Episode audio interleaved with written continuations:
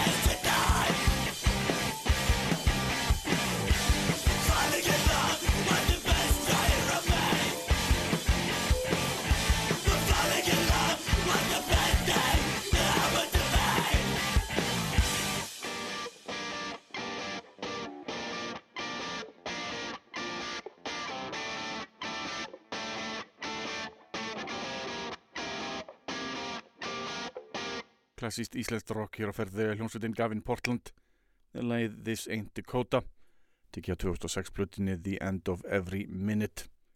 En mig fyrir í bandið með erfiðanetninu San Guisabok held ég að sé eh, var að senda frá sér eh, plötuna Tortured Hole. Sveitin er búin að fá ansi fínar viðtökur um allan heim og er ég búin að lenda á eh, nokkrum eh, lögum með sveitinni sem ég er bara nokkuð hrifin af því við hæfi að spila hljómsveitina hér. Þetta er ofurþungt og ofurskindilegt þetta er lagið Dragged by a Truck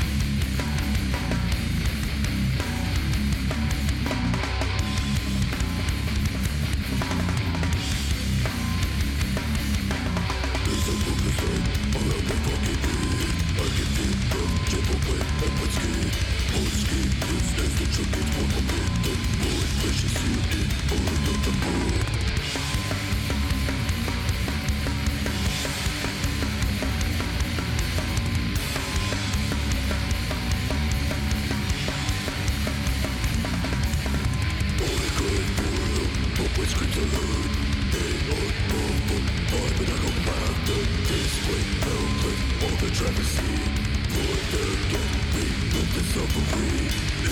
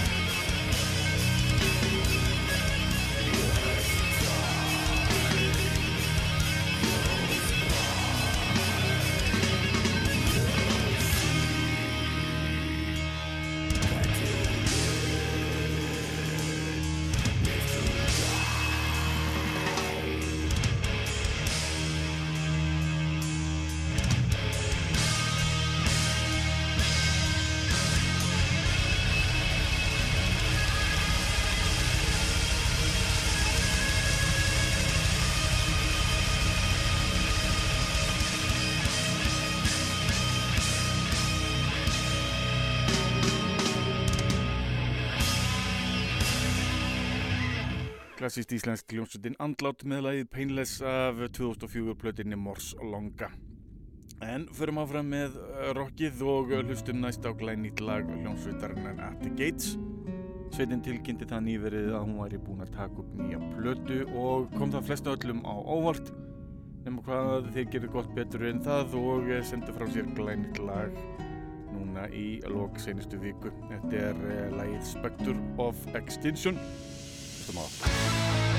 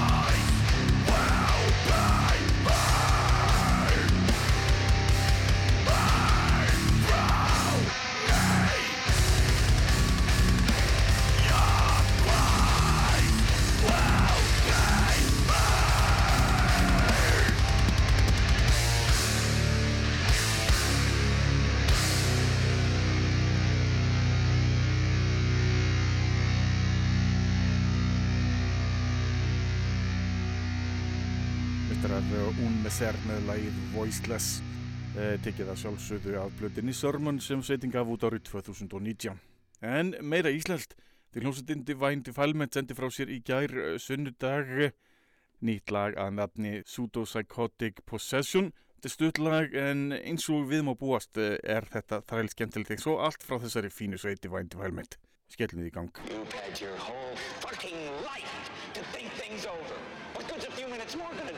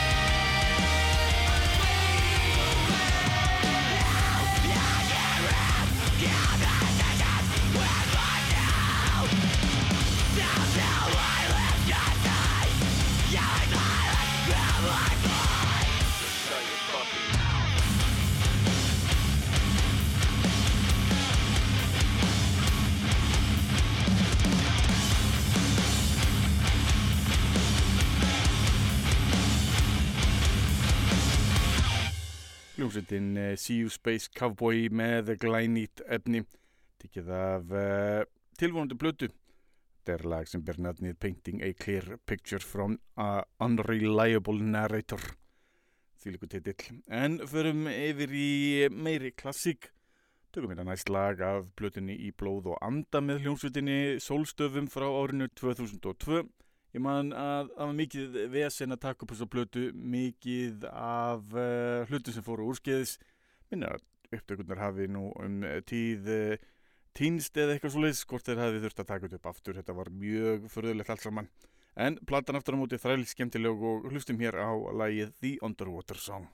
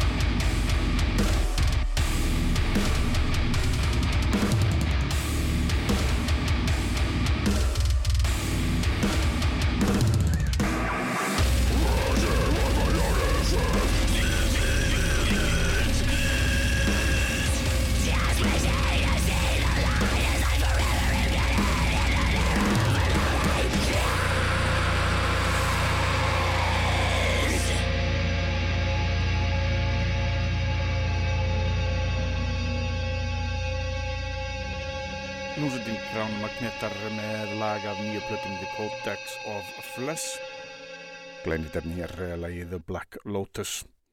Það er fréttir bárust núna í vikunni að uh, gítalegari hljómsveitarinnar uh, Karma to Burn var í látin. Uh, upprunalegur meðlumur sveitarinnar og einn af þeim fáu sem að voru ennþá í sveitinni. Hljómsveitin ekki gert efni í þó nokkuð tíma en gaf út fína plötu árið 2014 sem ég held svolítið upp á sem bar nafnið Arts Station. Lustum hér og minnumst kapans með læginu 55.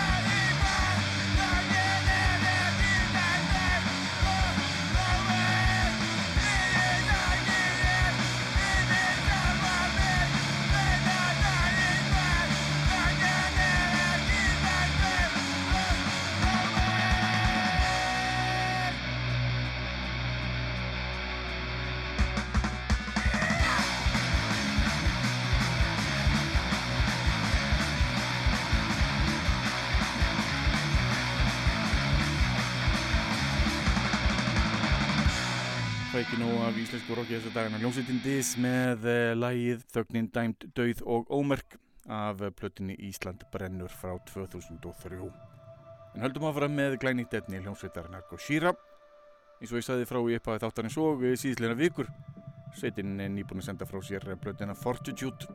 Stum hér á lag af þessar fínu plötu. Þetta er lagið Into History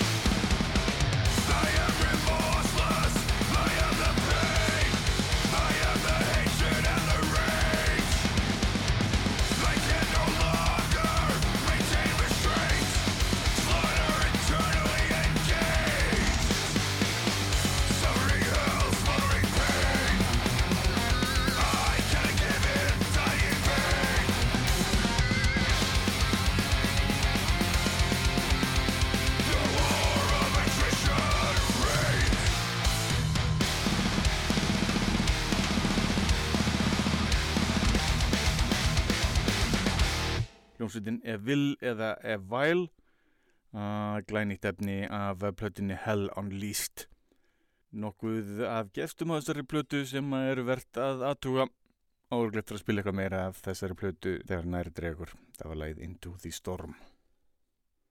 En hljómsveitin Vald Hjarta var einnig að gefa út nýtt efni sem eh, ber nafnið Nordúti Elskar komur tilbaka frá döða sem að hljómar áhugavert. Þetta er hljómsveit sem spilar eh, eins og margir kalla svona djantlega tónlist e, tónlist sem er aðalega kend við hljómsveitina með Suga hlustum á þetta og njótum e, glænit rockirferð